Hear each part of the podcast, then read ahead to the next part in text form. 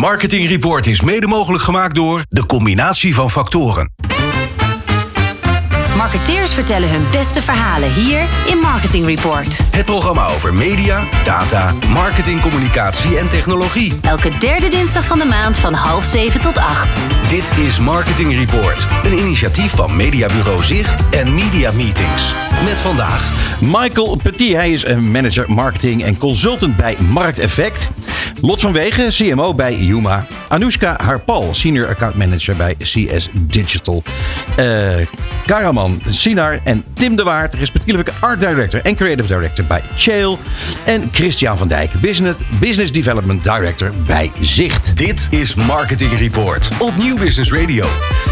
Ja, en we zijn er weer. En we zijn er blij mee. En we zitten weer oud en vertrouwd met Ron Lemmens achter de knoppen. Daar zijn we heel erg blij mee. Ron, fijn dat je er weer bent.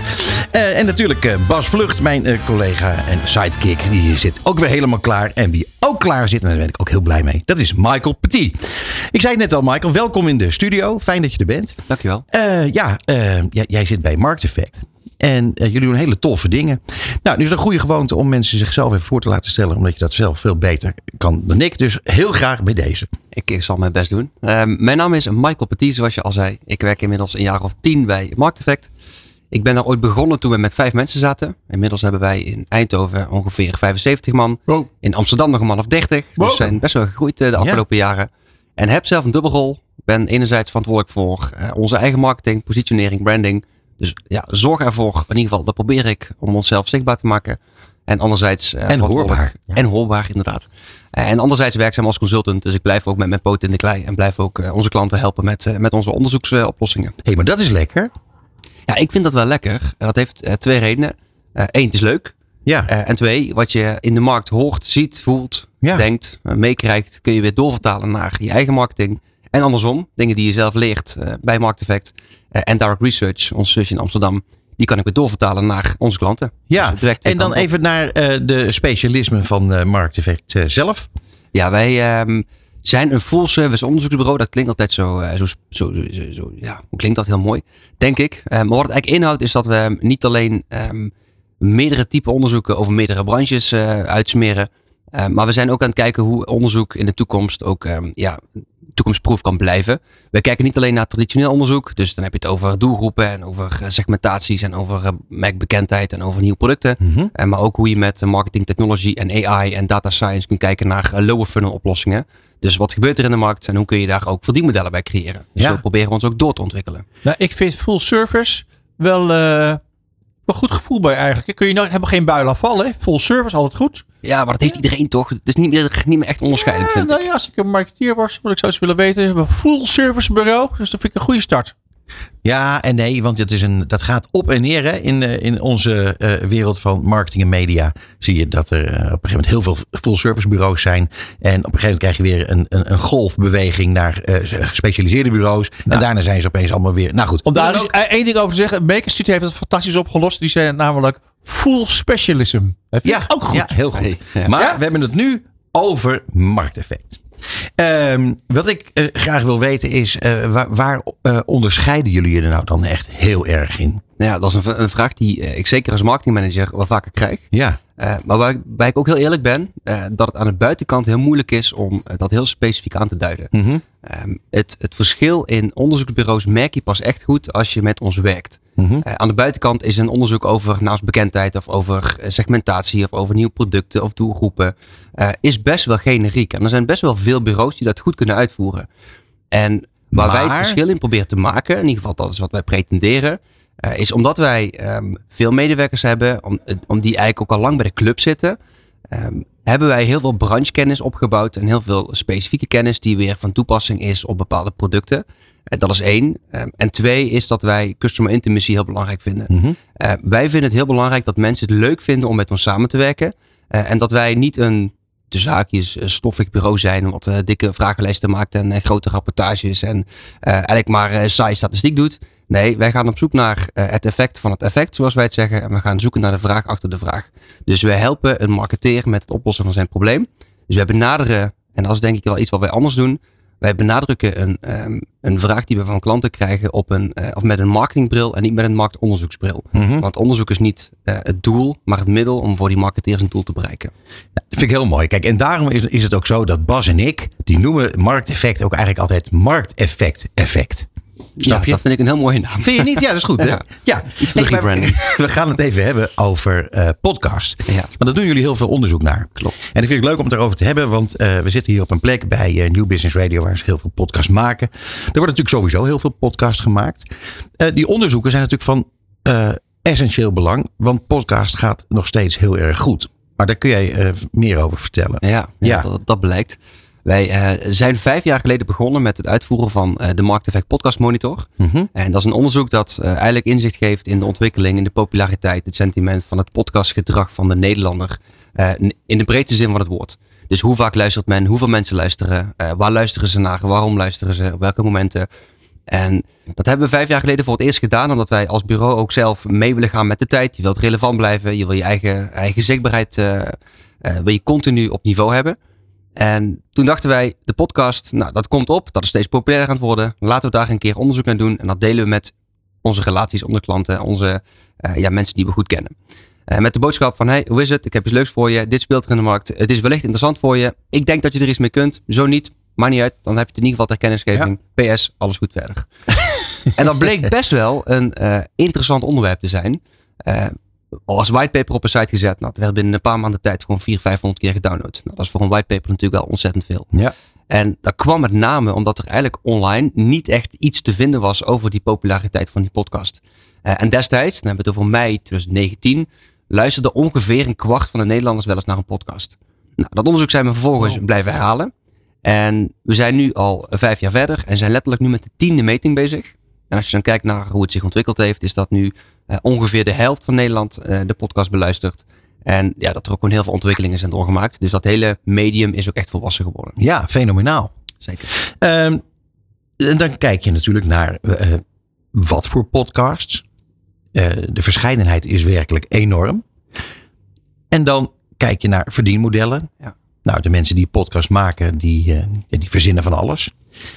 Dat meten jullie ook, neem ik aan. Ja, Wat klopt. daar gebeurt. Ja, wat je ten eerste zegt, de verscheidenheid is enorm. Dat, dat klopt zeker. Ik denk dat er geen enkel niche product te bedenken is waar je inmiddels geen podcast over kunt beluisteren. Eh, heel toevallig is er laatst nog een item gemaakt eh, over, ik woon zelf in Weert. Ehm, en daar werd uitgezoomd over hoeveel podcasts er alleen al in Weert gemaakt werden. Wat eigenlijk een ja, relatief kleine stad is in, in Nederland. Nou, als het zeven meer is dan acht of tien zo. zou ik het veel vinden. Ja, precies. Nou, een stuk of zeven of acht kwamen we. Dat vond ik ook al veel. Maar als er twee waren, had ik het al veel gevonden. Dus het waren, het waren er zeven of acht. Dus eh, in heel Nederland, of het nou zakelijk is, of het nou eh, consumentenwijs is, of het nou crime is, of het nou nieuws is, of het nou, eh, ja, noem het maar op. Je kunt overal een podcast over beluisteren. Mhm. Eh, en dat maakt dus ook dat het interessanter wordt voor adverteerders en voor merken en voor mediabureaus. Eh, om via die podcast mensen te bereiken. Ja, Dus je ziet inderdaad dat er steeds meer advertentieruimte ingekocht wordt. Of het nou een pre-roll of mid-roll of een, of een host read ads is of wat dan ook. En ehm, wij doen inderdaad onderzoek naar... eh, dat is een heel lang antwoord trouwens op jouw vraag. nou nee, ik vind het heel interessant. Nee, kom maar op. Ehm, Michael, ik heb ook een vraag. Eh, als je nou, het is maar gewoon een slag in de lucht hoor. Maar goed, jij meet alles hè. En ik eh, ma- mag het gewoon vragen als journalist. Eh, ik denk, als je nou eh, het criterium aanhoudt dat de podcastmakers hun hypotheek ervan moeten betalen. Eh, uit de inkomsten van de podcast, dan valt, denk ik, 95 tot 98 procent valt af. Ja, ik denk, eh, ik denk 98 niet. Maar ik denk wel boven de 90 procent dat daar ergens die grens ligt. En ik denk wel dat het een vlucht kan maken. En dat het ook een vlucht gemaakt heeft de afgelopen jaren. Of in ieder geval het afgelopen jaar, denk ik. Maar het is heel moeilijk om daar echt, echt eh, volledig je, ja, je salaris mee te... In ieder geval je hypotheek mee te Maar de betalen. podcast is, als je naar media kijkt, ook de democratisering van, eh, van media puur zang. Wat heb je nou nodig? Twee microfoons, een opnamedingetje en eh blazen die tent. Ja, ja. En het mooie is dat het steeds meer een onderdeel is van de marketingmix. En dat er ook heel veel bedrijven zijn die dus veel podcasts maken voor andere bedrijven. Nou, zij zitten in die top 10% die wel hun hypotheek daarvan kunnen betalen, want zij maken meer podcast. Maar als je als merk of als beginnend merk of als adverteerder zegt van nou, nu ga ik een podcast maken en nu ga ik binnenlopen, eh, forget it. Dat gaat Ja. niet snel gebeuren. Maar goed, ehm, je kijkt naar, naar het eh, totaal. Eh, hè, de- de- dat vind ik op zich niet zo heel interessant eigenlijk. Wat ik interessant vind is de populaire podcast. Daar wil een zich aan verbinden.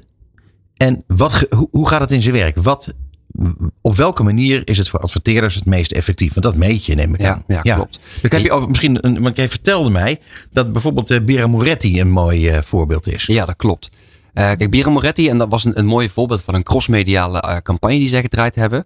Ehm, ze hadden, ehm, dat is ergens een maandje of twee, drie geleden geweest. Ze hebben heel veel verschillende dingen gehad lopen. van tv tot billboarding, tot events, tot Ja. radio, online. Ik heb ze overal gezien.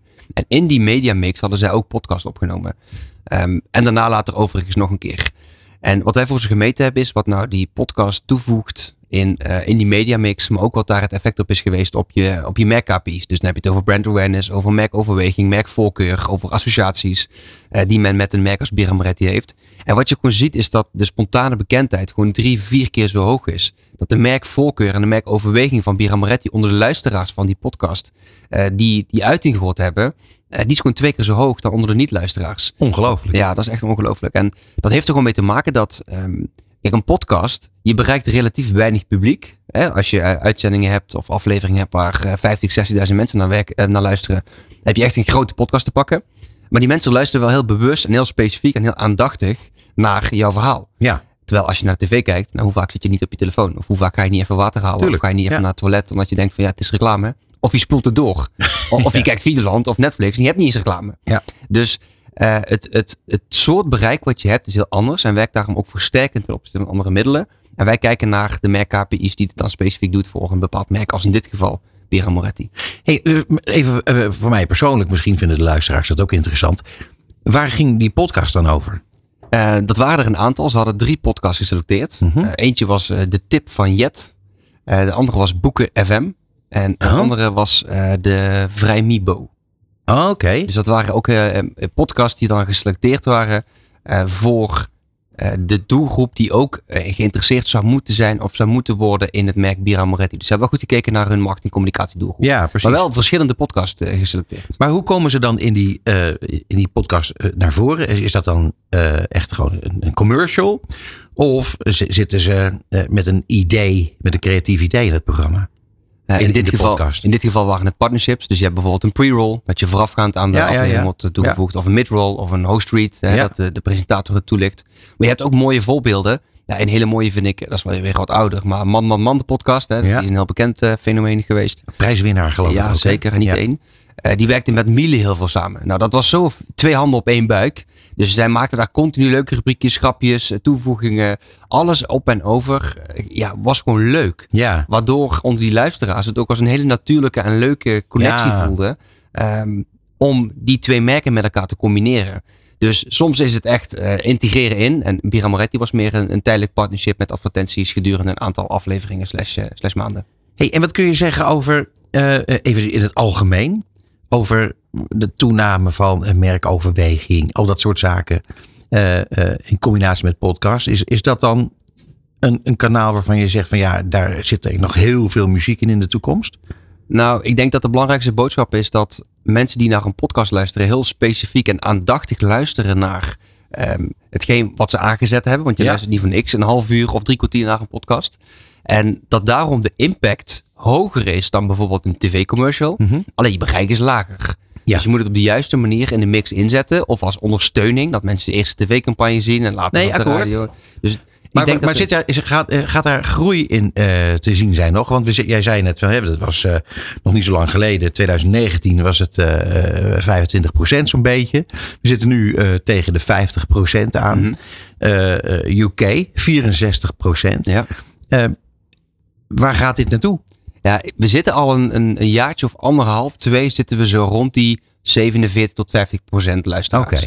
Dus het, het lijkt alsof ehm, de piek wel bereikt is. Mhm. Maar je ziet wel dat 12 procent van de mensen die, die nu niet aangeeft te luisteren, in het verleden geluisterd heeft. Dat zijn dus uitstappers. Nou ja. Maar ook ongeveer eh, de helft van de mensen die niet luistert zegt, nou, ik zou op zich in de toekomst wel overwegen om misschien te gaan luisteren. Dus er is altijd traditioneel uitval en er is nieuwe aanwas. Maar ik verwacht dat het aantal luisteraars stabiel gaat blijven. Ehm, en wat ik ook verwacht, ehm, is dat ehm, de advertenties en de commercials en de sponsoring toe gaat nemen. Je hoort het nu al veel, ook programmatic. Hè? Je luistert een podcast van een half jaar geleden, maar je hebt een spotje van, eh, van drie weken geleden, wordt als pre-roll opgenomen. Nou, Mhm. dat wordt natuurlijk allemaal aan elkaar gekoppeld. Omdat ze weten dat ik een man van 33 ben. Met bepaalde interesses waarschijnlijk. Ja. Dus ik word gefilterd en getarget op dat, eh, op dat spotje.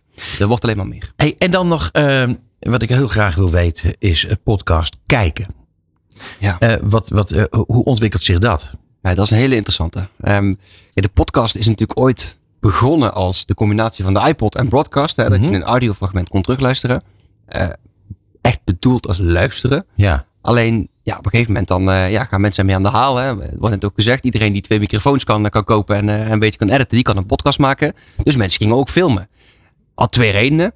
Je kan het op YouTube zetten, dus je hebt een nieuw kanaal en Ja. je hebt een nieuwe dimensie. Eh, of je kunt leuke dingen toevoegen natuurlijk. Ehm, of het voegt echt iets toe aan die aflevering. Mhm. En wat je ziet is dat ongeveer 40%, en ik blijf me over verbazen, maar het is een, het is een, eh, een consistent eh, percentage, aangeeft toch wel eens naar een podcast te kijken. Mhm. Ik doe het zelf nooit. Ik zet altijd een podcast in de auto aan. Hè, dan zit ik lekker eh, onderweg en dan kan ik wegdromen of ik zit, ben aan het hardlopen. Maar 40% luistert wel eens naar een podcast. Ook, of, sorry, kijkt wel eens. Ja. De een vaker dan de ander. Ehm, maar ook dat is vrij stabiel. Maar daar ligt dan ook nog wel, eh, denk ik, een markt voor eh, adverteerders. Eh, ja, dat denk ik wel. Ja, weet je, ik had jou van tevoren al beloofd dat, dat het kwartiertje voor ons veel te kort zou zijn. Ja, en Bas die valt, zijn mond valt open. Die heeft geen idee dat het kwartiertje al om is. Maar dat is toch echt waar. Dus eh, Michael, eh, ontzettend bedankt voor je komst naar de studio. Ik had nog heel lang met je door willen praten, want ik had nog veel meer willen weten.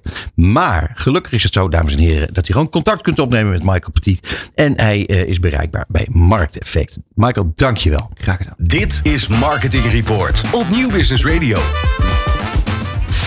Ja, wat een gezelligheid weer. Anoushka Harpal voor de tweede keer in onze uitzending. En eh, nou ja, eh, jij bent, van, eh, je bent senior account manager bij CS Digital Media. Media. Ja. Precies, zo is het. Hey, eh Anoushka, om te beginnen, zo leuk dat je er weer bent. En ik vind het zo leuk om er weer te zijn. Nou, is dat- weer is ouderwets gezellig. Ja, maar zo is het precies. Hey, jij zit dus nu bij, bij CS Digital Media. En jij hebt, eh, je bent met, met allemaal toffe dingen altijd eigenlijk al bezig. Bij alle plekken waar je gewerkt hebt. Maar nu heb je het over, onder andere over mood marketing. Nou, dat, Ja. echt, dat, dat vind ik... eh, ja, dat lijkt me heel interessant. Daar ga jij nu volgens mij van alles over vertellen. Ja, daar ga Ja. ik je wel iets over vertellen. Nou, graag. Nou, als we het hebben over mood marketing, dan ehm, even voor, voor de mensen die luisteren. CS Digital Media, die heeft een, eh, een netwerk op het metro, eh, het metronetwerk Ja. eh, in Amsterdam en in Rotterdam. En wij hebben het Shell-netwerk en dat zijn de schermen aan de pomp. Ehm, en als wij reizigers willen bereiken die in een bepaalde stemming zijn, vandaar mood marketing, Mhm. die aan het wachten zijn, en dat is gemiddeld zo'n drie tot vier minuten, dan zou je eigenlijk de etalage waar reizigers normaal naartoe moeten gaan om iets te kopen of iets te bekijken, kan je de etalage naar de reizigers toe brengen. En als je denkt aan Ja. producten zoals koffie. Mensen hebben dagelijks koffie nodig. Ja. dat is Behalve Bas. Behalve Bas. Oké. Ja. Bas? Die heeft, jij zelfs, die heeft weet- zelfs geen thee nodig, geloof ik. Of wel? Ja, Maar wel nodig. thee.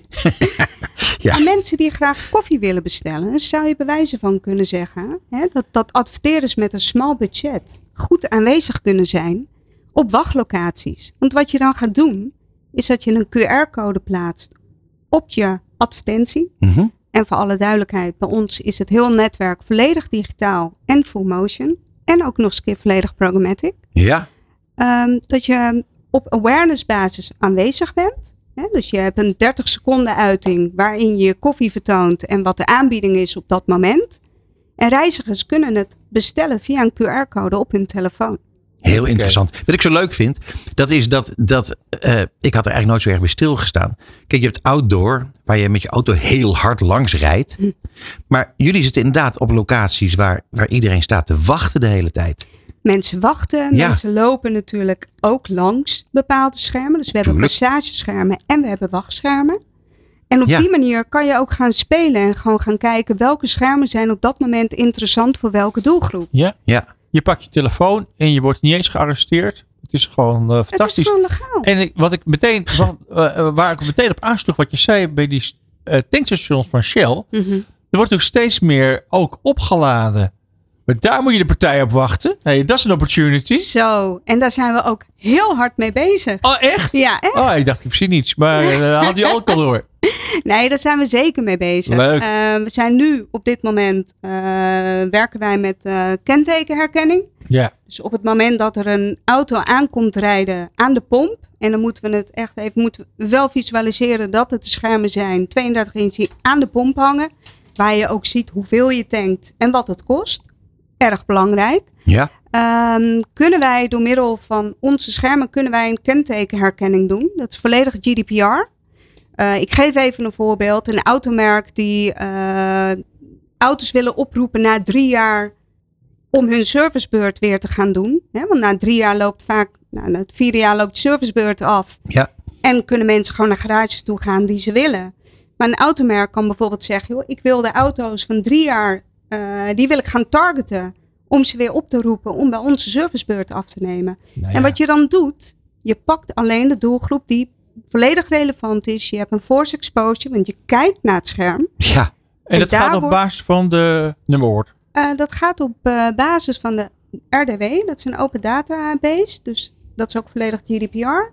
En dat communiceert met ons systeem. Het kenteken wordt herkend. En Ja. vervolgens gaat het systeem in. Dat gaat echt nou, binnen Fractie van een fracties seconde. van een aantal seconden. Ja. Van een seconde. En, ehm, en dan gaat het systeem in. Het systeem weet precies welke uiting van 10 seconden er vertoond moet worden. En vervolgens wordt die geblurred en wordt het verwijderd. Het is echt fenomenaal. Dat is het. Hey, en, en wat vinden adverteerders hiervan? Ja, adverteerders zijn er heel blij mee. Waarom? Uh, je hebt geen waste. Je betaalt alleen voor de doelgroep die op dat moment relevant is. En 100 wat we, procent. ja, en wat we ook doen Ja. uh, hierdoor, is dat je nieuwe uh, mo- prijsmodellen gaat creëren. Ja, we dat zei je ook. Het prijsmodel verandert. Ja. Maar leg dat eens uit. We praten normaliter over CPM, kosten per duizend.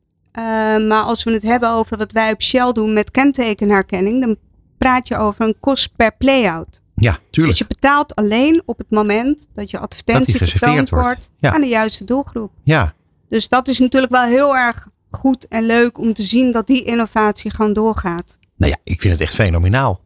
Ik heb nog eh, geen vraag, maar een opmerking. Vertel. Ja, er zijn eh, eh, veel concurrenten die hebben enorm veel moeite met het uitspreken van het woord marketing report. Maar andersom is het helemaal niet zo. En eh, jullie scoren bijvoorbeeld ontzettend goed in het uh, mederapport van de A, A, Ah, ah, Ah, die, ja. Adformatie. Ja, ja, ja, ja, ja. flauw. Flauw, hè? maar het is wel waar. Het is zeker waar, want we zijn nummer 1 binnen Out of Home. Dus daar zijn we ontzettend blij Tof, mee. hè? Ja, Maar ook in de general eh, staan jullie ook nog eh, op 5. gestegen. Ja, van, Van acht 7 naar naar 5? Nee, zeg ik van het goed 8 uit naar mijn hoofd? 5. Niet Van, normaal, hè? ja, Goed hoor. Ja. Maar ja, weet je, het is altijd zo, dat, dat heb ik wel vaker gehoord in de markt. Uh, Anoushka binnenhalen en dan gebeuren dat soort dingen. nou Peter. Ja, nou Ik ga ja. helemaal Nou, ik- blozen ik- hier. eh, Ik je kan niet eens blozen. Wat als je, als je, ik vind ook de, de, de, de, de, de, het, de, de kwantiteit van de kennistransfer heel hoog. En dan Ja. zou je zeggen dat jij misschien een uh, autocue hebt of een briefje op zijn minst. Nee hoor, gewoon uit het hoofd. Ja, Ja. precies. Maar dat is ook logisch, want ze heeft ook verstand van zaken. We even afwachten wat de rest van de uitzending brengt natuurlijk. Maar toch. Maar dan wil ik nog even graag weten. Mhm. Eh, eh, Zalando. Daar heb je een soort modeshow, zie je eh, op jullie schermen. 3D. Daar je staat- ja, in Ja. 3D ook nog, ja. Ook nog. Eh, heel indrukwekkend. Sta je te wachten, zie je dat. Denk je, goh, leuke trui. Eh, QR-code. Bestellen. Ja. ja. Hoe groot is het succes? Ja, het succes is gewoon groot. Echt waar? ja. ik, want ik, ik, ik heb geen idee. Ik, ik zie mezelf nog niet zo snel in de metro al wachtend een trui kopen. Ja, ik bedoel, waarom ook niet? Maar ik ben zo benieuwd of mensen dat dan inderdaad allemaal eh, gaan doen. Of Nou, allemaal. wat, je, wat je eigenlijk krijgt, eh, mensen zijn het, en vooral de doelgroep die in, eh, op het metrostation komt, die zijn gewend om met hun telefoon producten aan te schaffen. Wat je eigenlijk gewoon krijgt is een verschuiving van social media naar out of home. Dus Mhm. wat er binnen een social media kanaal al gebeurt, hè, dus dat is gewoon je producten bestellen op het moment dat je in de juiste omgeving komt. We hebben het weer over context. Ja, Dat gebeurt ook in een metrostation.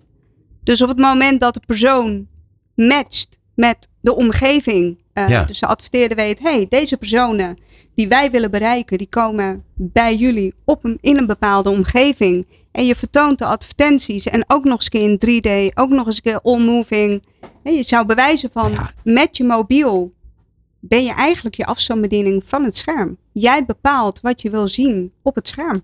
En als je dan kijkt naar de, je hebt de, dus de, de effecten, eh, zo- zoals die worden gemeten door jullie klanten, want Mhm. die willen gewoon sales, hè? Mhm. even naast natuurlijk eh, imago, maar die willen hier met die QR-code willen ze verkopen. Ja, dat klopt. Eh, ehm, hebben jullie ook onderzocht hoe leuk mensen het vinden om op deze manier benaderd te worden eh, tijdens het wachten? Nou, we zijn momenteel bezig om een aantal partners te vinden in verschillende branches. Waarover ik het al sprak. Hè. Ja. Koffie lijkt mij eh, wat dat betreft een perfecte match. Ja. Dus daar ben ik ook over in gesprek. Nou, met Zalando hebben we het gedaan en dat blijkt heel succesvol te zijn.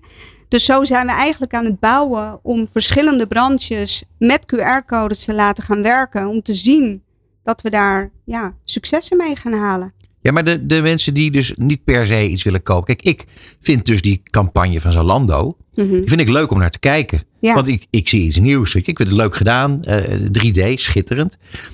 Dus dat vind ik leuk. Maar ik zie ook wel eens campagnes waarvan ik denk van joh, dat had ik nou niet gedaan. Voor mij hoeft dat niet. Dus, maar meten jullie dat? Hoe, Ja, maar hoe wij- mensen er tegenaan kijken? Hoe, hoe leuk ze het vinden? Ja, kijk, je, je, je kan effectmetingen doen op basis van KPI's. Mhm. dat, eh, dat is zeker mogelijk. En dat zijn we nu op dit moment ook aan het testen voor een andere klant. Eh, en daar komen bepaalde resultaten uit. En als wij zien dat dat werkt, dan gaan we daarmee door. Als wij zien dat het niet werkt, ja, dan gaan we daaraan bouwen. Ja, ja precies. Nee, goed, ik vind het, ik vind het leuk. Want eh, hoe lang bestaan jullie eigenlijk? CS Digital eh, bestaat al een behoorlijke tijd. We Echt zijn, waar? Ja, ja, ja, we zijn ooit begonnen vanuit Librium. Ah. Librium Holding. Ik weet niet of de naam Librium. Nou ja, het- does ring a bell, maar ik zou niet direct kunnen uitleggen. Nou, Librium, eh, dat is eh, echt van. Nou, ik zou het zelf niet eens weten hoeveel jaar dat het al bestaat. Maar je hebt de holding en daaronder heb je CS Digital Media. Ehm, je hebt Mobility. je hebt CS Advanced Technology. Daar zitten de developers. We zijn ook nog eens partner van eh, Shell, softwareleverancier. Eh, dus wij hebben verschillende takken eh, binnen het Librium Holding. Oh, Oké. Ja, ik heb nog even een heel kort vraag tussendoor. Misschien, eh, ik zal wel iets gemist hebben hoor, maar in 3D-campagne moet ik dan een, heel snel een 3D-bril opzetten? Of is Nee, dat, dat hoeft hoeft niet, Bas. Die tijd is geweest. Oh, Nee, eh, de- je ziet eh, de personen eigenlijk in het scherm zie je lopen. En die kunnen bewijzen van wat, eh, wat Peter net al als zei. soort hologram. hologram. Ja, je kan gewoon een modeshow geven. En je kan met je telefoon aangeven. Nou, ik wil het liefst toch wel even zien hoe zo'n jurkje bij die dame staat. Anders zal het mij ook wel staan. Of niet. Tof. Ja. het is echt leuk hoor. Hey, en dan, eh, wat hebben, we- hebben we verder nog voor mogelijkheden in de metro waar jullie mee bemoeien? Nou, we zijn eh, op dit moment, eh, wat ik zei, bezig met het orderbord. Hè? Dus dat je via een, eh, een metroscherm of een wachtlocatie, dat je producten kan bestellen. Wat we ook hebben gedaan, dat hebben we samen opgezet in, ehm, dan moet ik even een paar, een paar maanden geleden met Netflix. Hebben we Metro Arrival, hebben wij, Metro Arrival. ja, dat is ook heel vet. Vertel. Met de Metro Arrival communiceert de aankomsttijden van de metro met de schermen op het perron. Oh, Dus op het moment dat eh, de metro aankomt op een perron, dan veranderen de schermen naar wat de uiting moet gaan worden. oh. En eh, doordat dat met elkaar communiceert, kan je gewoon een hele hoge attentiewaarde creëren eh, bij aankomst. Of, Ja, want iedereen is natuurlijk, als de, het treinstel er aankomt, opeens extra alert. ja, Ja, dat klopt. nou, wat Dus slim. dat is heel gaaf. Wat we ook hebben gedaan, nog niet zo heel lang geleden, is een Media First met Unilever voor Ben Jerry's. Ja, En hebben wij in Rotterdam hebben wij een metro volledig bestickerd. Aan de buitenkant en aan de binnenkant. wow. Eh, met een Snapchat-code ook aan de binnenkant. Want als mensen eenmaal in de metro zitten, kan je natuurlijk de interactie opzoeken. Eh, ja, dat was zo vet. Dat je gewoon een hele Ben Jerry's metro door Rotterdam ziet rijden. En dat, dat, en eh, dat eh, communiceren dan ook weer tegelijkertijd met schermen. Ja. Het is... eh, dat, Maar jullie zijn, jullie zijn is grappig, we hadden het er in het vorige gesprek over. Maar jullie zijn eigenlijk een beetje full service, lijkt het wel. ja, we zijn gewoon heel innovatief. En dat heeft ook te maken met het feit dat wij de developers in huis hebben. Op het moment dat een adverteerder met een idee komt, of wij komen er met een idee en het bestaat nog niet, ja, dan Nee. gaan we dat gewoon bouwen. Ja, Ja. leuk hè Bas? Ja, ik vind het ontzettend leuk. Ik zit alleen, eh, nou, ik zit niks, nergens mee, maar we doen de metro in Amsterdam en Rotterdam. Mhm. Maar je kunt bijvoorbeeld ook alle, alle bussen doen en alle treinen in Nederland. Ik bedoel, waarom zo eh, toch iets wat bescheiden en wat, iets wat niche?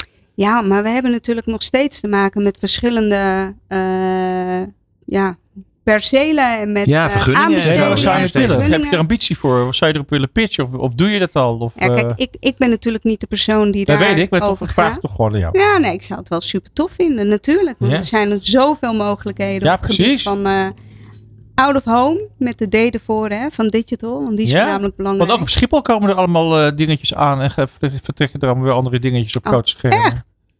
Ja, dat, eh, Dan gaan jou, jouw handen gaan daar wel van jeuken, zeker. Ja, maar daar, dat is een, denk ik een concurrent is Ja, daar. nou eh, ja, we terug. noemen het con-collega. Ja. Dat Ja. noemen we con-collega. En eh, dat vind ik wel, dat is wel mooi om te zeggen hoor. Want onze CEO, Rajan van Wilsum, die, eh, die, is, eh, die zit ook in de taskforce van de FIA. Dus ja, wat je gewoon ziet is dat wij onderling met alle out-of-home exploitanten ook gewoon goed contact hebben. En ook gewoon kijken naar de markt en eh, naar ons mediumtype. Want we staan allemaal voor hetzelfde. En je wil gewoon die samenwerking ook met elkaar aan. Het is mooi hè. Kijk, wat ik eigenlijk eh, tot besluit zou willen zeggen. Zeg eens beter. Nou, dat wat jij hier aan het doen bent. Dat vind ik eigenlijk gewoon eh, voor het merk CS Digital Media. Vind ik dat gewoon mood marketing. Wat jij doet. Voor dat bedrijf. Dankjewel. Ja, en, en enorm bedankt voor je komst naar hier voor de zoveelste keer. Ja. En ik weet zeker dat we je nog een keer gaan uitnodigen. Nou, dat vind ik hartstikke leuk. Dankjewel. Dankjewel Peter, dankjewel Bas. Marketeers vertellen hun beste verhalen hier in Marketing Report. Het programma over media, data, marketing, communicatie en technologie. Elke derde dinsdag van de maand van half zeven tot acht. Dit is Marketing Report, een initiatief van Mediabureau Zicht en Media Meetings. Met vandaag Ja, Lot van Wegen hebben wij nog in de uitzending vandaag. CMO bij Juma. We hebben Carmen Sinar en Tim de Waard. Zij zijn van eh Chail. En natuurlijk Christian van Dijk, Business Development Director bij Zicht. Marketing Report. Zicht op media. Ja, zicht op, zicht op media, mensen. Daar hebben we er e- enorm veel zin in. Het is altijd weer een feest. Namelijk, we hebben dit keer Christian van Dijk, eh, de ziener van Zicht. En eh, ja, we gaan eh, weer allemaal toffe dingen bespreken die actueel zijn. Heerlijk om hier weer te zijn. Ja, goed dat je het bent, Ja. En zo de laatste van het jaar, dat is toch ook altijd een beetje speciaal. Ja, dat vind ik ook. Ja, toch? Ik moet je eerlijk zeggen dat ik het ook heel leuk gedaan hier door New Business Radio. Het is, ja, dat kunnen de mensen natuurlijk niet zien. Maar het is één grote kerstsfeer met, met, met lichtjes en toestanden. Precies. Echt heel bijzonder. Ja. ja. En dan heb ik het over de kersttrui van Bas nog niet eens gehad. Nee, die, eh, ik zou niet kijken als je Nee, doet eh, zeer aan niet wil ogen. schrikken. Hey Christian, Ja. wij eh, hebben van alles te bespreken. Ehm, Zeker. En ja, het- ik denk dat iedere luisteraar wel weet waar we mee gaan Ja, beginnen. het is altijd een beetje zoeken naar onderwerpen. Daar, hè, vaak eh, hebben we het daar altijd over. Ja, maar natuurlijk. dat was deze week eh, eigenlijk niet het geval. Nee, hè? Nee. Er is iets groots aangekondigd. Ik denk goed om heel even terug te blikken. Een tijdje terug hadden we, een paar maanden terug, hè, daar hebben we het eerder over gehad, over de fusie van RTL en Talpa. Ja. Nou, die ging niet door. Waarom niet? Het was een te groot machtsblok geworden op tv. Ja. Eh, dat is toen een beetje, nou... eh, En de mededingingsautoriteit die vond dat de niks. ACM. Nee, die- nee, die vond dat niks. Veel kritiek ook op, op het oordeel van de ACM. Want ja, het was ook een blok tegenover de internationale media. Zeker. De grootmachten die vanuit Amerika komen. Ja. Dat was heel mooi als we daar in Nederland nu een stap voor konden maken. Eh, nou, uiteindelijk is dat dus inderdaad de oordeel geweest. Oké, het mag niet, dus stop maar. Toen is het daar stil geworden. Totdat Ja. deze week het grote nieuws kwam. RTL en DPG. En kwam die voor jou ook als een donderslag bij heldere hemel? Ja, dat is grappig. Ik had, uh, uh, dat zal ik zo nog heel even toelichten. De rechts van Talpa, die, uh, die deel ik wel. Uh, ja, hij kwam als een donderslag uit, uit, Ja. uit de heldere hemel eigenlijk, Ja. zeg maar. Ik denk het nieuws zelf niet zozeer. Uh, DPG had zich vorige keer ook al uitgesproken dat ze het toch wel jammer vonden dat zij niet mee mochten doen. Hè? Ja. Dat ze eigenlijk een beetje gepasseerd waren. Kan ik me nog herinneren dat dat toen een beetje de boodschap was. Dus dat die gesprekken plaats zouden gaan vinden, ja, dat, dat voel je wel een beetje aankomen. Maar het is heel snel. Want uh, vier, vijf maanden geleden had ACM gezegd het gaat niet door. En nu hebben ze een deal beklonken. En dit zijn grote deals. Dit doe je niet uh, over één nacht ijs. Nee, natuurlijk niet. Dus dat is heel snel gegaan. En, en dat vond ik dus leuk van, van de reactie van Talpa. Die zeiden ook van, hoe heeft dit in hemelsnaam stil kunnen blijven? Onvoorstelbaar. Het is media. Nou, wij zitten in de media. Geheimen in de media, die zijn er niet. Dus er is altijd wel iemand die praat. Maar dit is stilgebleven. Ongelooflijk. Ja, dus dat vind ik, uh, uh, dat is mooi. Uh, ik denk ook een mooie ja, fusie. Zo kunnen we het toch wel noemen, toch? Het is ook wel Ja, uh, grappig. Ik heb uh, van Tillo er zelf een aantal keren ook naar gevraagd. Ik zeg, goh, je hebt natuurlijk in België natuurlijk wel uh, een televisie. In Nederland niet. Heb je daar geen ambitie voor? En dan zegt hij elke keer hetzelfde. Ja, ik heb er wel ambitie voor. maar er staat niets te koop. Ja. Ja. Hm, Dat is altijd zijn standaard antwoord. Maar dat viel Ja. dus wel mee. Ik ken ook mensen die zeggen, Ja. alles is te koop. Ja, dat, Ja. Daar heeft hij zich wel aan gehouden. Want Ja. dat toch wel. Vind je die 1,1 miljard duur? Eh, ja, nee, weet ik niet. Dat vind ik een lastige vraag. Ik ken de. eh, Ja, de gewoon antwoord geven. niet. Naar je beste kunnen. Ik vind 1 miljard veel, maar. ehm, Ik vind 1,1 verwacht wel miljard dat- meer. Ja, ik weet dat het nog meer. Nee, ik verwacht wel dat dit. eh, eh, hier hebben natuurlijk eh, hele slimme mensen naar gekeken. Dus dit zal het zeker waard zijn. En ik denk ook wel dat het, het, het moet nog maar goedgekeurd worden. Hè, want dan krijgen we daar natuurlijk weer dezelfde discussie. Tuurlijk. Hoe gaat de ACM dit bekijken? Voorheen werd de tv-markt als combinatie gepakt. Nou, dat is nu niet het geval. Maar worden zij misschien nu in de algemeenheid een te grote mediamacht in Nederland? Dat kan natuurlijk wel het geval zijn. We krijgen een ander zienswijze op het mediavraagstuk wat er, eh, wat er speelt. Eh, gaan de ACM nu wel kijken voor het totale mediastuk, ook als antwoord op de grote partijen? Of zeggen ze nu van ja, maar nu word je in Nederland te groot. Eh, je hebt nog, hè, ook qua nieuws bijvoorbeeld, als nieuwszender heb je daar nog iets bij. Van ja, dat dat, dat eh, een te grote impact gaat zijn. En verlies je dan niet de onafhankelijkheid als die belangrijk is in Mhm. het nieuws. Dus dat kan nog wel een, eh, eh, een punt zijn wat ze moeten onderzoeken. En waar eh, nog wel iets van af kan hangen. Daar ben ik wel benieuwd naar. Ik vraag me af of ook nog mee gaat spelen dat DPG, heel stoer vind ik dat, dat die echt zijn gaan bouwen aan een eigen platform. Hè, een, beetje, een beetje, toch een beetje knokken tegen de grote jongens. Ja, brand safe, weet ik veel wat allemaal safe. Goed gedaan. ja. Dat is iets wat in mijn opinie wel zou mogen meespelen in de overweging of dit goedgekeurd moet worden of niet. Want namelijk dit is natuurlijk wel een separaat verhaal. Niet een televisiemachtsblok wat je net inderdaad al zei. Eh, wel een grote speler, maar ja, wel met allemaal eh, gewoon een diversiteit aan, aan, aan mediabedrijven. Ehm de intentie van DPG vind ik wel heel erg goed. Dat, ze, dat ze een bescherming eh, proberen te bieden aan onze interne markt, zou ik maar zeggen. Ja. Zou, ik, ik zou me kunnen voorstellen dat dat meeweegt in, in, in eh, beslissingen. Ja, eh, vanuit de ACM bedoel je Ja. dan? Hè? Ja, Ja, dat denk ik. Ik denk dat ze dat zo moeten doen. Eh, de dat vraag zou moeten, ja. Uiteindelijk vond ik hem bij de fusie tussen RTL en Talpa. hadden ze hem ook breder mogen zien dan alleen dat tv-plot wat zo groot zou worden in Nederland. Ja, maar er was toen best wel wat voor te zeggen om ook internationaal gewoon weerstand te kunnen bieden. Ja. Eh, nou, daar zijn ze toen niet in meegegaan. Ik denk dat dit een ander verhaal is. Ehm, eh, ja, ik ben benieuwd. Ehm, Wat zou dit betekenen, eh, Christian, voor Talpa? nou, de Talpa is. ehm, eh, hè, ze waren verrast door de snelheid. Ja, wat ik wel leuk vind is dat Talpa ook wel zegt, en dat, dat, dat zie je ze ook wel, is dat ze zeggen, wij zijn dan wel de enige echt grote Nederlandse mediapartij.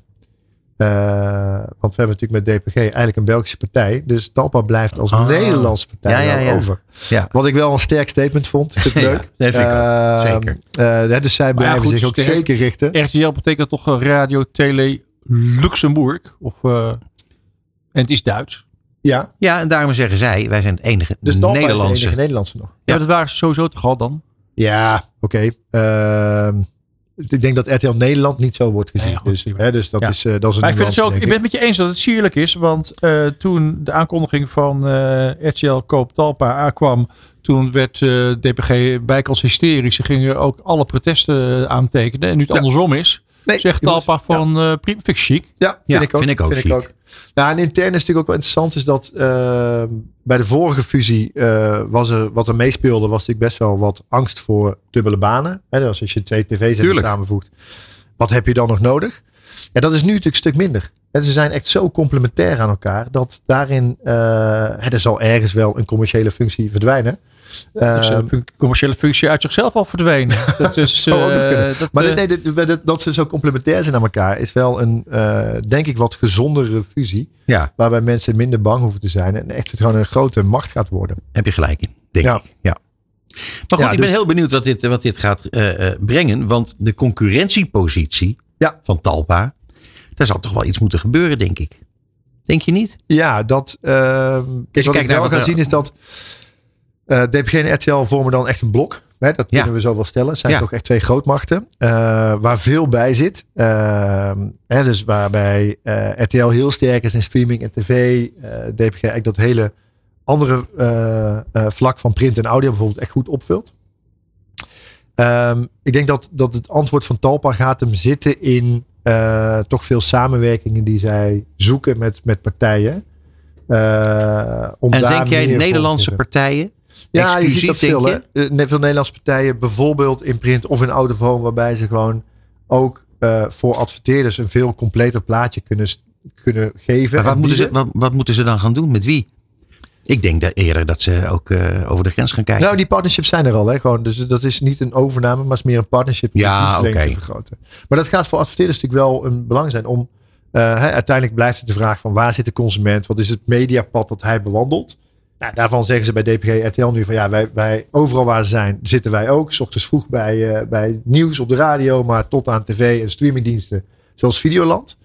Nou, Talpa heeft dat ook. Zeker als ze daar partners naartoe kunnen voegen die een vakje bij Out of Home of een stukje print pakken. Mhm. Dus het, het verbreedt denk ik eigenlijk de dienstverlening om eh, ook daar een compleet pakket te Maar geven. ik denk dat John het allemaal gewoon wil hebben. Denk je niet?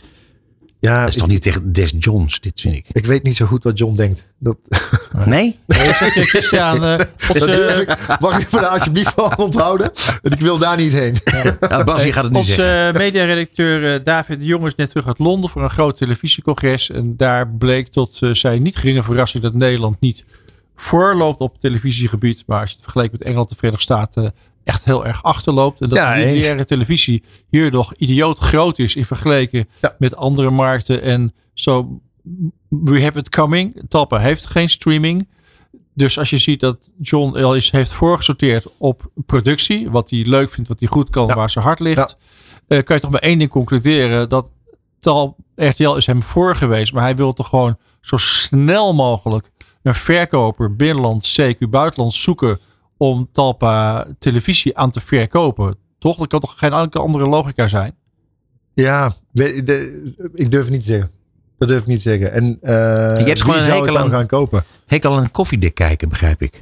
Nee, dat valt wel mee. Oké. Dat valt wel mee. Maar ik, ik durf me er niet aan te wagen. Misschien is dat het. Misschien oké. is dat het. Ja, maar Ja. je mag toch als, als ziener van zicht, heb je toch een klein beetje een verplichting om hier eh, een beetje een visie te geven Ja. op wat er allemaal zou mogen. Nee, en. Heer, ik denk Peter. dat, dat de, eh, er zullen zeker vanuit Talpa, en dat, dat geef jij al aan, hè, waar, eh, eh, waar ze echt fan zijn van, van producties, dat ook goed kunnen doen.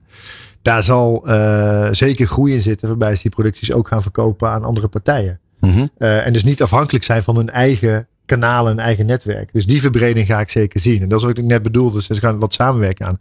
Of dat gelijk een overname is, of dat ze willen kopen, ja, dat, dat, dat durf ik niet te zeggen. Of dat die verkocht wil worden. Maar wie gaat hem dan kopen? Eh, ja. De DPG en RTL niet meer. Nee. Eh, dus dat gaat hem niet, eh, niet worden. Dus wie zou dan... altijd Sikko, KPN, dat soort partijen. ja, dat kan. Ja. Dat is interessant, want zij hebben natuurlijk ook echt een enorme bak aan data die eh, eigenlijk toegankelijk moet zijn voor, eh, voor die tv-markt, die we niet hebben. Mhm. Eh, die zitten eigenlijk op goud. Letterlijk, denk ik. Over goud gesproken. Ehm, dat, ja, dan zie ik al die, die gouden kerstbomen hier in de studio. Maar het, het, het zit er een beetje op, eh Ziener van Zicht. en Bas die heeft Oh, nog Bas acht heeft nog een seconden. vraag? Bas Oh. heeft nog acht seconden, zes, vijf.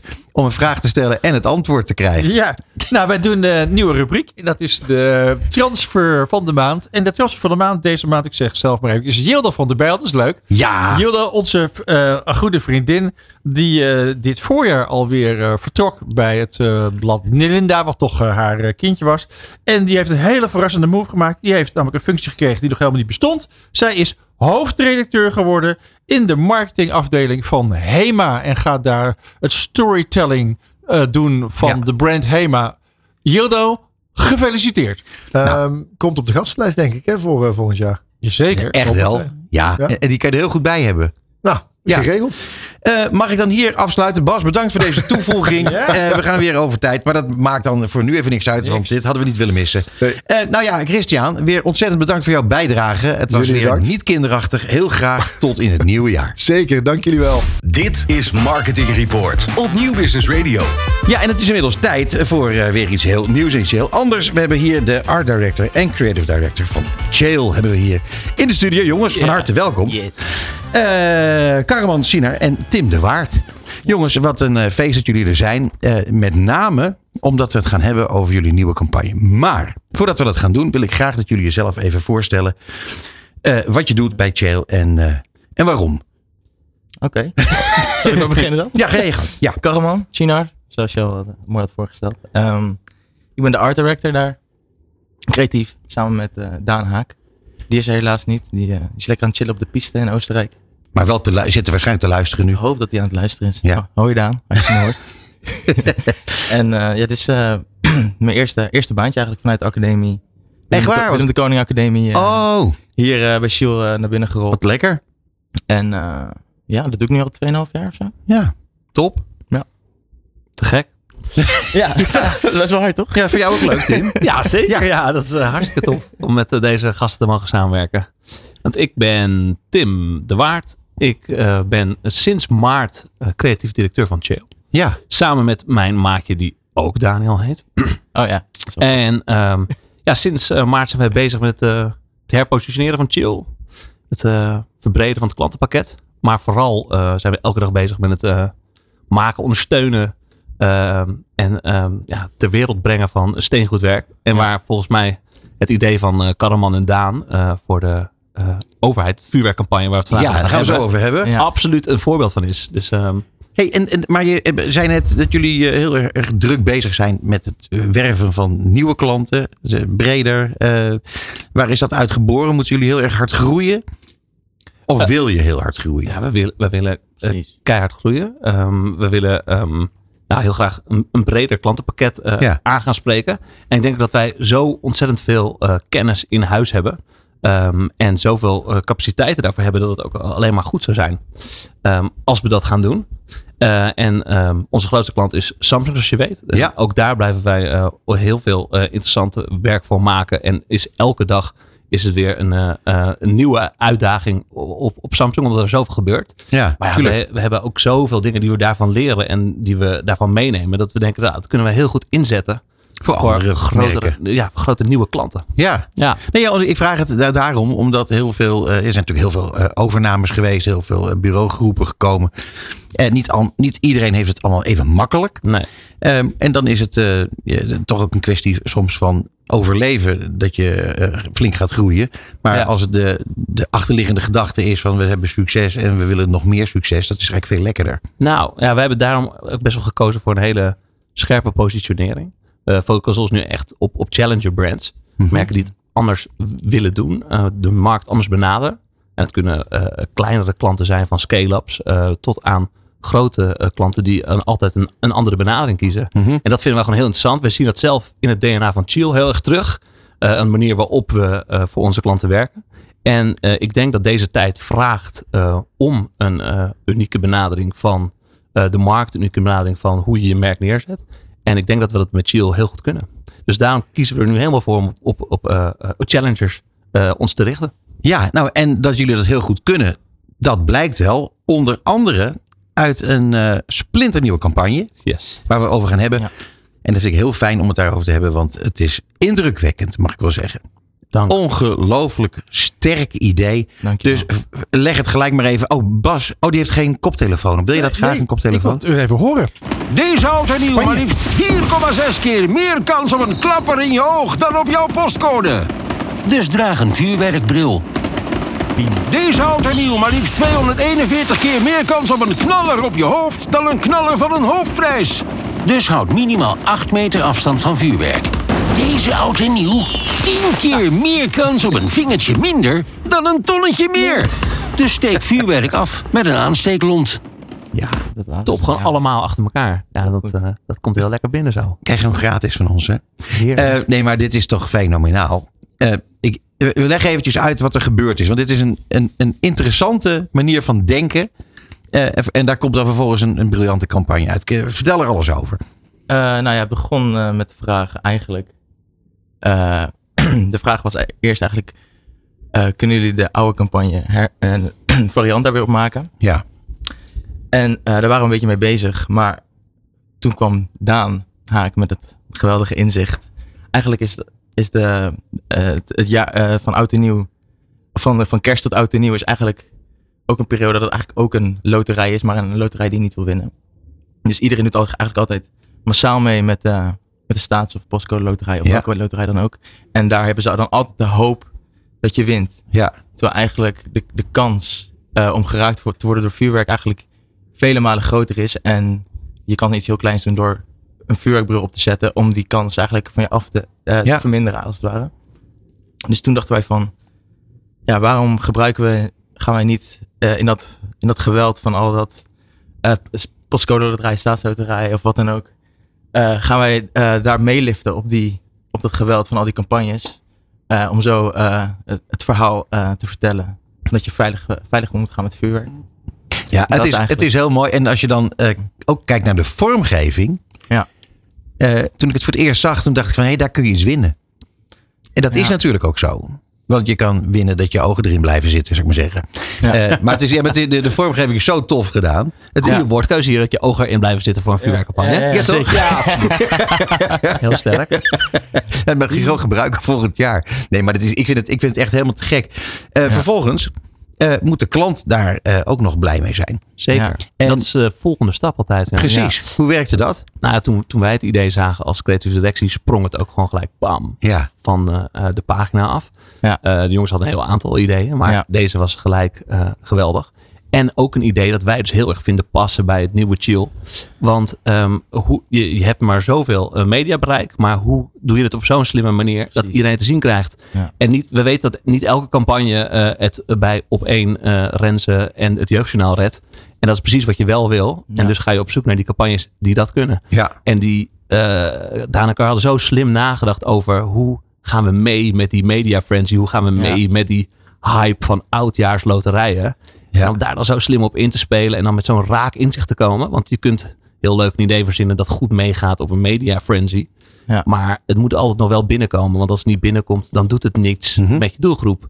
En eh, ik denk dat dit idee die twee zaken echt perfect combineert. Dus wij waren, ehm, ja, je, je eh, kent waarschijnlijk de energie die je voelt als je een goed idee ziet. Zeker. En dan dat alles begint te borrelen. En, eh, en dat hadden wij heel sterk. Ja. En het leuke is, dat gebeurde dus ook bij die klant. eh, bij, bij Ah, onze ja.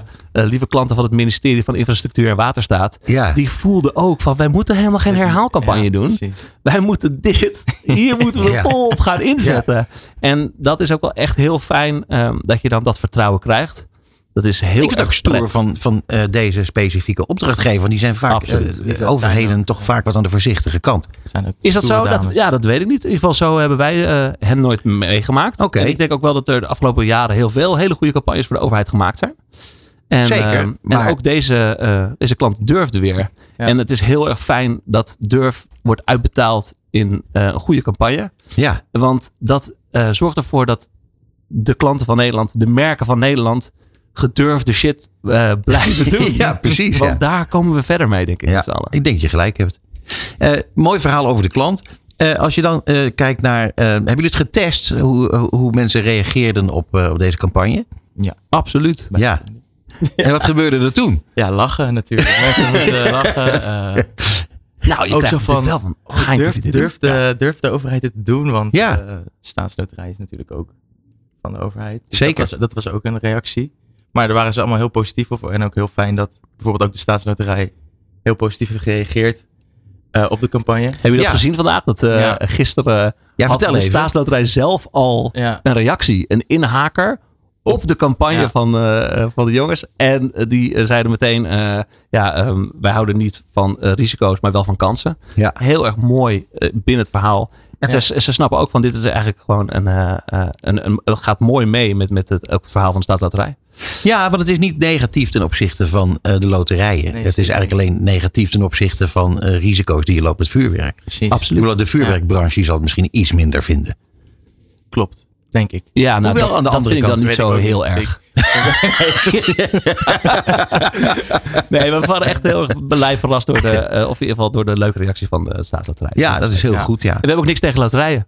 Nee. Eh, dus, eh, we- we- Sommige bureaus wel. Ja, dat klopt. Dat klopt. Nee, maar ik bedoel, de, de, dus we, ja, we, we gingen gewoon mee met het gevoel vooral van die, die loterijen aan, het, aan het eind van het jaar op ons allemaal hebben. Goed, we hebben net eh, eh, wat, het een en ander gehoord. Eh, dan is er van alles te zien. Hoe ziet de campagne er verder uit? Eh, hij is zeker nog niet af. Dus er komt, ehm, we zien, de 28ste gaan we nog iets leuks doen. Maar dat is nu nog geheim. Dat, ja, ik weet niet of ik dat mag verklappen eigenlijk. Nou, het, het, eh, de- in ieder geval, Zeg het dan zachtjes, zachtjes. iets leuks doen met, Ga met, met influencers. Oh. Kunnen we wel verraden. Eh, nee, maar die nog even extra eh, onder de aandacht brengen van eh, de jonge doelgroep. Ja, Want precies. Gen Z, eh, eh, kids die met vuurwerk gaan gooien, die moeten het toch wel hebben. Ja. Eh, want eh, naast het feit dat heel veel omstanders eh, geraakt worden, eh, die helemaal niets met vuurwerk te maken Ja, hadden, 45 eh, en geraakt worden, is het Hoeveel? ook 45 procent. Zo. ja, Dus dat is ook de reden waar- waarom de, de klant eigenlijk ook even een keer geen, niet direct alleen maar jongeren wou, wou aanspreken. Nee, precies. Daarom konden we ook eh, een iets globalere doelgroep aanspreken. Maar laatste we- zetje ja. naar die jonge doelgroep Ja. is toch heel Ja. lekker. Dus dat Ja, gaan we nog gaan we eh, na- Dat komt er nog aan. Ja. Ja. dat wordt een heel lekker staartje van deze campagne, beloof ik je. Maar vertel nog eventjes. Welke kanalen gaan jullie, gebruiken jullie allemaal? Want dat vind ik ook wel interessant. Eh, ouderwets print, dat vonden Ja? we ook wel leuk. Dus een keer eh, niet alleen maar social ehm, een campagne. Dus eh ouderwets print, digital out of home, eh, Instagram, Snapchat.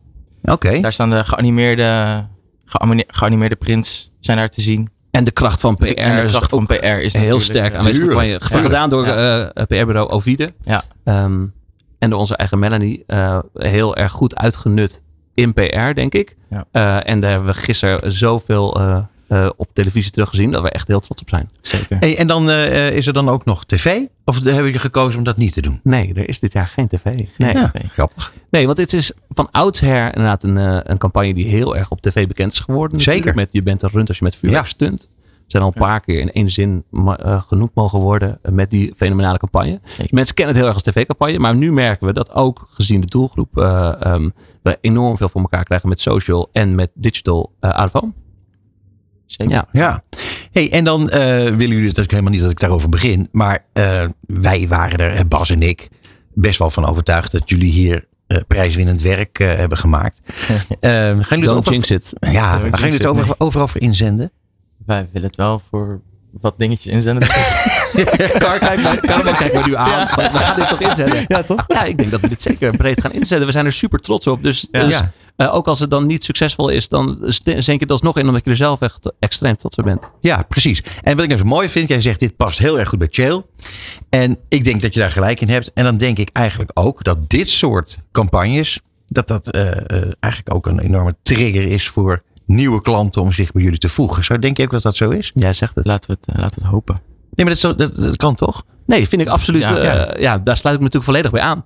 En ehm, de grootste ehm, inspirator voor nieuwe klanten om ergens klant te worden, moet Het werk zijn. goed werk zijn. Ja, precies. En ik, ik, ik, eh, ik vind dat eh, dit er hier een goed voorbeeld van.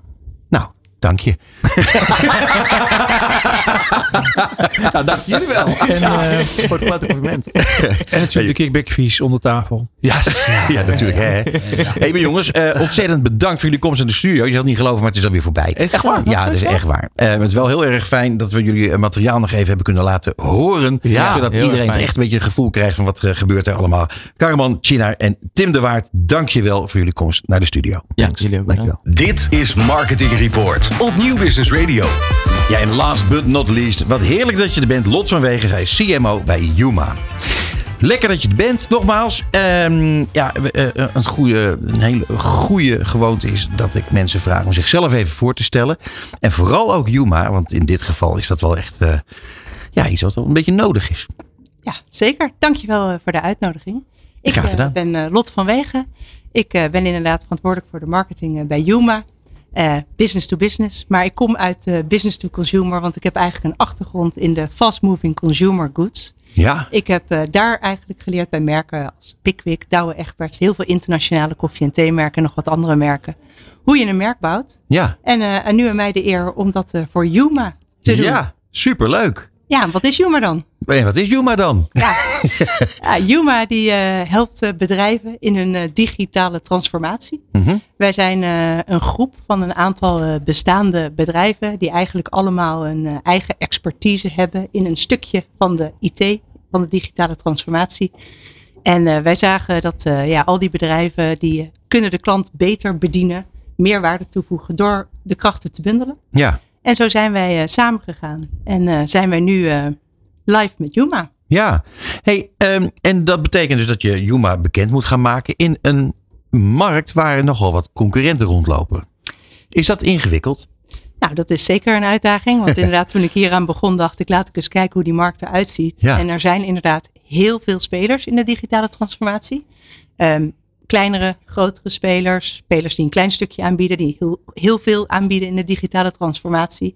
En wij zijn gaan bekijken met de verschillende bedrijven in de groep van, oké, wat bindt ons nu? Want het zijn hele complementaire bedrijven in wat ze bieden, maar ook de cultuur in die bedrijven is heel anders. Mhm. Dus wij zijn gaan kijken van oké, wat zou nou een relevante positionering kunnen zijn voor Yuma, ehm, die ook bij ons past.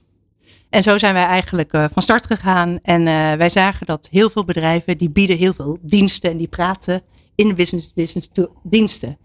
En eh, nou, die IT-diensten, die zijn heel belangrijk en dat gaat allemaal heel erg snel en dat zien wij ook en daar zijn wij heel erg goed in. Maar wat wij met Yuma zien is, ja, die IT is prachtig, is mooi. Maar waar draait het in die end om? In die end draait het toch echt om de mens. Hoe ga je de digitale transformatie connecten met de mens? Want alleen dan kan je succesvol zijn. Ja. Ehm, jij vertelde mij, en je zei ook dat dat overal te vinden is, en dat klopt, dat 70% van de digitale transformaties dat die mislukken. Ehm, is het dan zo dat, wat je, wat je naar aanleiding van wat je net zei, dat die transformatie mislukt omdat ze vergeten dat die mens daarmee moet werken, die met elkaar dit moeten begrijpen, et cetera? Ja, nee, die cijfers die, eh, die kennen wij ook. Gelukkig herkennen we het niet, maar we kennen het zeker. En als je inderdaad kijkt van waar zit het hem dan in, dan eh, zit hem dat niet zozeer dat die IT-transformatie, die digitale transformatie, dat dat fout gaat. Mhm. Dat gaat eigenlijk best wel goed. Maar je kan je misschien voorstellen dat als je ergens werkt en er, eh, er wordt eh, aan eh, IT gesleuteld en er gaan dingen veranderen, dat je ja, als medewerker best wel kan denken van, goh, wat gaat er nu eigenlijk gebeuren? Waarom doen we dat? Ehm, is dat wel nodig? Want het Ja, wat schiet ik ermee op? Wat schiet ik ermee op? Maar er komt ook een bepaalde emotie van, ja, ehm, heb ik dan nog wel straks mijn baan? En Mhm. Heb ik de skills en expertise om straks mee te kunnen? En dat is inderdaad het stukje waar het misgaat. Eigenlijk wordt de mens onvoldoende vooropgesteld bij een digitale transformatie. En dat is waar wij zeggen van ja, we moeten die mens voorop stellen. We moeten naar die mens gaan kijken om ervoor te zorgen dat die digitale transformatie in combinatie gaat gebeuren met wat er nodig is voor de mens. Eh Yuma, of als je het een beetje op zijn Engels uitspreekt, Yuma, lijkt ook een beetje op human. Is dat, is dat echt zo gekozen? Of, eh, serieus? Dus bewust zo gekozen. Nou ja. Ja, we hebben gekeken, want we moesten dus een hele nieuwe naam bedenken. En we hebben gezegd van ja, als we nu die kans krijgen om een nieuwe naam te bedenken, laten we dan beginnen bij wat is dan onze ehm, merkpropositie. En Ja. kunnen we daar een naam bij passen? En toen hebben we gezegd, oké, wij, hè, wat wij zeggen is wij geloven in het connecten van digital transformation eh, en human nature. En toen zeiden we ja, human, kunnen we daar niet wat mee? En toen hebben we gezegd, oké, dan wordt het Yuma. En als je kijkt de manier waarop je het schrijft, de, de Griekse ei aan het begin is eigenlijk een omgekeerde H in het logo. Dus het komt inderdaad van Nou ja. Dat jij dat eruit haalde, Peter. Ik had het er niet uitgehaald, maar ik, achteraf voelde ik het wel. Eerst in een soort van vierde dimensie. Zie je? Ja. Ja, maar ik ben heel taalgevoelig, hè, dat weet je. Oh. Dus ik, eh, dat ja, nee, maar ik vind het mooi. Heel mooi zelfs. Hey, en dan heb je dus, ehm, eh, dus jullie onderscheiden je eh, hiermee, onder andere in deze concurrerende markt. Het is natuurlijk ook een markt waarin heel veel specialismen vertegenwoordigd zijn. Wat betekent dat voor jullie? Is ieder bureau voor jullie een concurrent? Of zitten jullie in een speciale niche binnen die, binnen die eh, ehm, eh, ja, eh, eigenlijk eh, die transformaties, die digitale transformaties? Nou, de manier waarop wij gevormd zijn, is dat wij dus gekeken hebben van welke partijen eh, doen er nou slim aan om hun krachten te bundelen. Mhm. Eh, en dat zijn dus echt allemaal complementaire partijen, die allemaal eigenlijk een stukje binnen die digitale transformatie op kunnen pakken. Eh, en welke echt experts zijn in hun vak. En dat is eigenlijk ook wat wij zeggen. We hebben allemaal bedrijven die echt de expert zijn. Eh, we zijn nu met een kleine 500 man Wow. samen. Bas. Eh, ja, ik wist het. Maar Wist jij dat? Oh. Toen ik het net hoorde, had, zei ik het ook. Wat ontzettend groot. Ja. Ja, maar dat is denken, wij denken dat dat een hele goede size is om wel de expertise in huis te hebben. Want digitale transformatie, ja, wat jij ook zegt, behelst heel veel. Ja. Dus we hebben de expertise om die klant echt te kunnen helpen. Maar we hebben ook weer de size om pragmatisch genoeg te zijn. Om echt mee te kunnen denken eh, met de klant. En te zorgen dat de waarde eh, bij de klant komt te liggen. Ja, want de, dus dat betekent dat de verschillende bureaus die Human eh, samen vormen, Mhm. die hoeven niet altijd ingeschakeld te worden voor, voor, voor bepaalde klanten.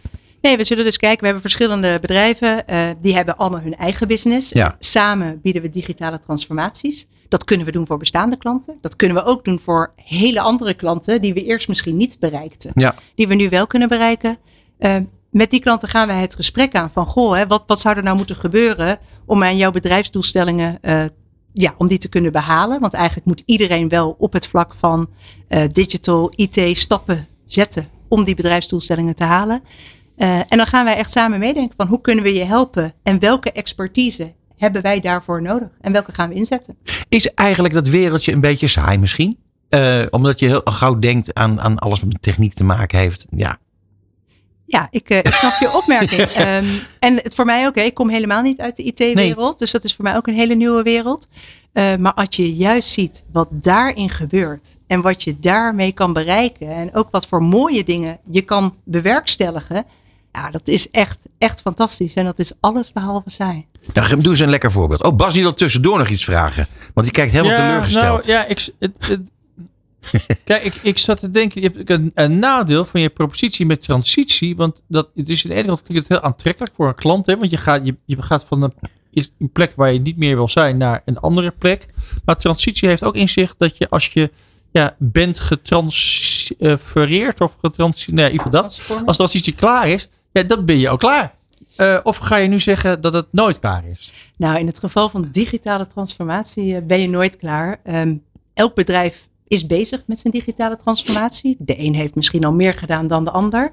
Eh, Maar dat gaat de komende jaren en jaren gaan bedrijven daar continu mee bezig En betekent zijn. AI voor heel veel partijen dat ze gewoon weer helemaal weer opnieuw moeten gaan transformeren? Ze gaan absoluut niet opnieuw transformeren, maar, Maar wel mogelijk wel, ze gaan wel weer verder. Ja. En dat zijn de ontwikkelingen die zullen de komende jaren alleen nog maar eh, elkaar sneller opvolgen.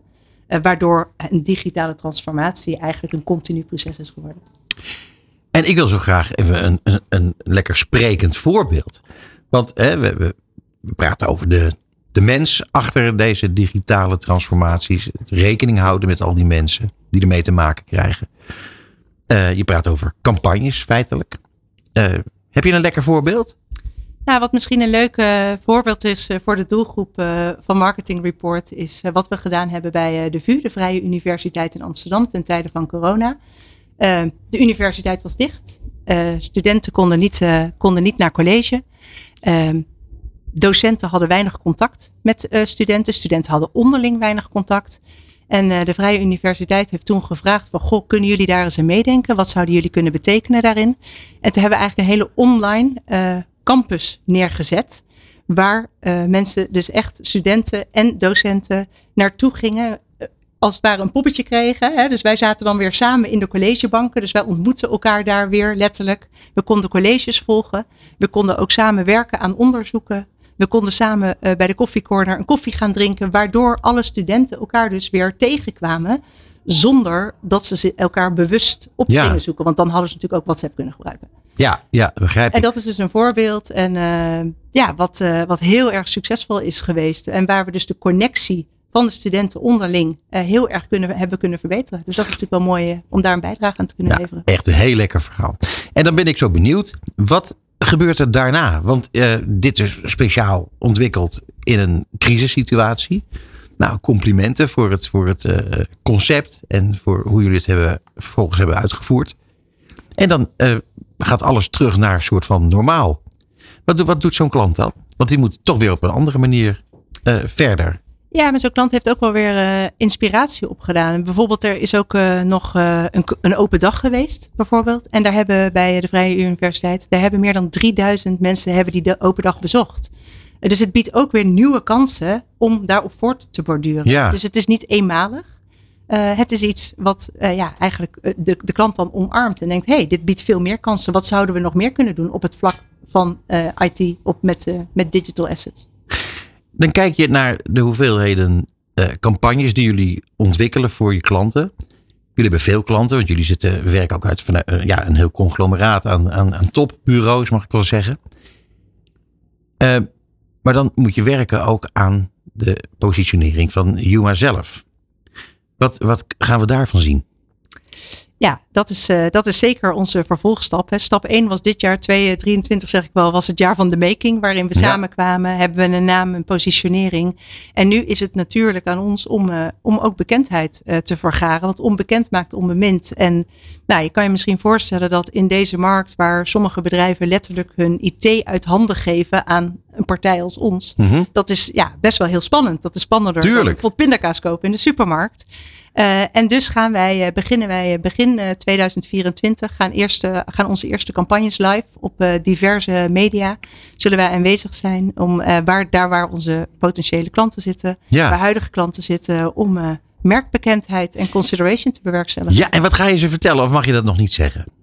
Uh, wat ik ze ga vertellen. Nee, dat, daar zijn we nog een beetje mee bezig. Maar het gaat zeker zitten om uh, de relevantie uh, van het human aspect Ja. binnen de digitale transformatie. Want we merken dat dat echt het element is wat ons heel erg relevant maakt in deze markt. En wat ook klanten triggert. Jazeker. Ja. Dat is echt wat klanten zeggen. Ja, dit, ik- dit, dit slaat echt aan. Ja. Hey, en dan slaat het niet alleen aan eh, in Nederland, maar het moet ook aanslaan in België, want jullie eh, bedienen twee landen op dit moment. Dat klopt. Op Ja. dit moment zitten we, hebben we kantoren zowel in Nederland als in België. Uh, dus dat betekent alleen maar meer kans. Ja, maar hoe zit dat met België? Ik bedoel, het is niet per se eh, eh, de meest logische keus. Ik bedoel, je, zou ook, eh, je had je ook kunnen richten op alleen Nederland. Van waar ook België tegelijk? Nou, we hebben de ambitie om echt een, een speler te worden in de Benelux. Ja. Uh, en zo hebben we dus ook gekeken naar waar zitten nou de beste partijen. En uh, in België zit een, uh, een club met IT-architecten. Uh, die echt zeer, zeer uh, uh, veel expertise hebben. Um, en voor ons de kans ook boden om meteen België erbij te pakken. Ja, en er komen nog wat, nou, wellicht nog wat meer bedrijven bij. Kijk, je bent natuurlijk hier bij ons in de studio. Dus eigenlijk is die aftrap die volgend jaar gaat beginnen, in januari, februari. Die heb je natuurlijk eigenlijk al hier gedaan bij Marketing Report. Vind ik ontzettend, vind ik ontzettend leuk. Um, ja, ik moet je eerlijk zeggen, Lot. Uh, wij, wij, vinden het uh, super interessant om te gaan kijken wat je allemaal gaat doen. Ik hoop ook dat jij uh, ons daarvan op de hoogte wil gaan brengen. Dan gaan wij dat allemaal ook in Marketing Report online zetten.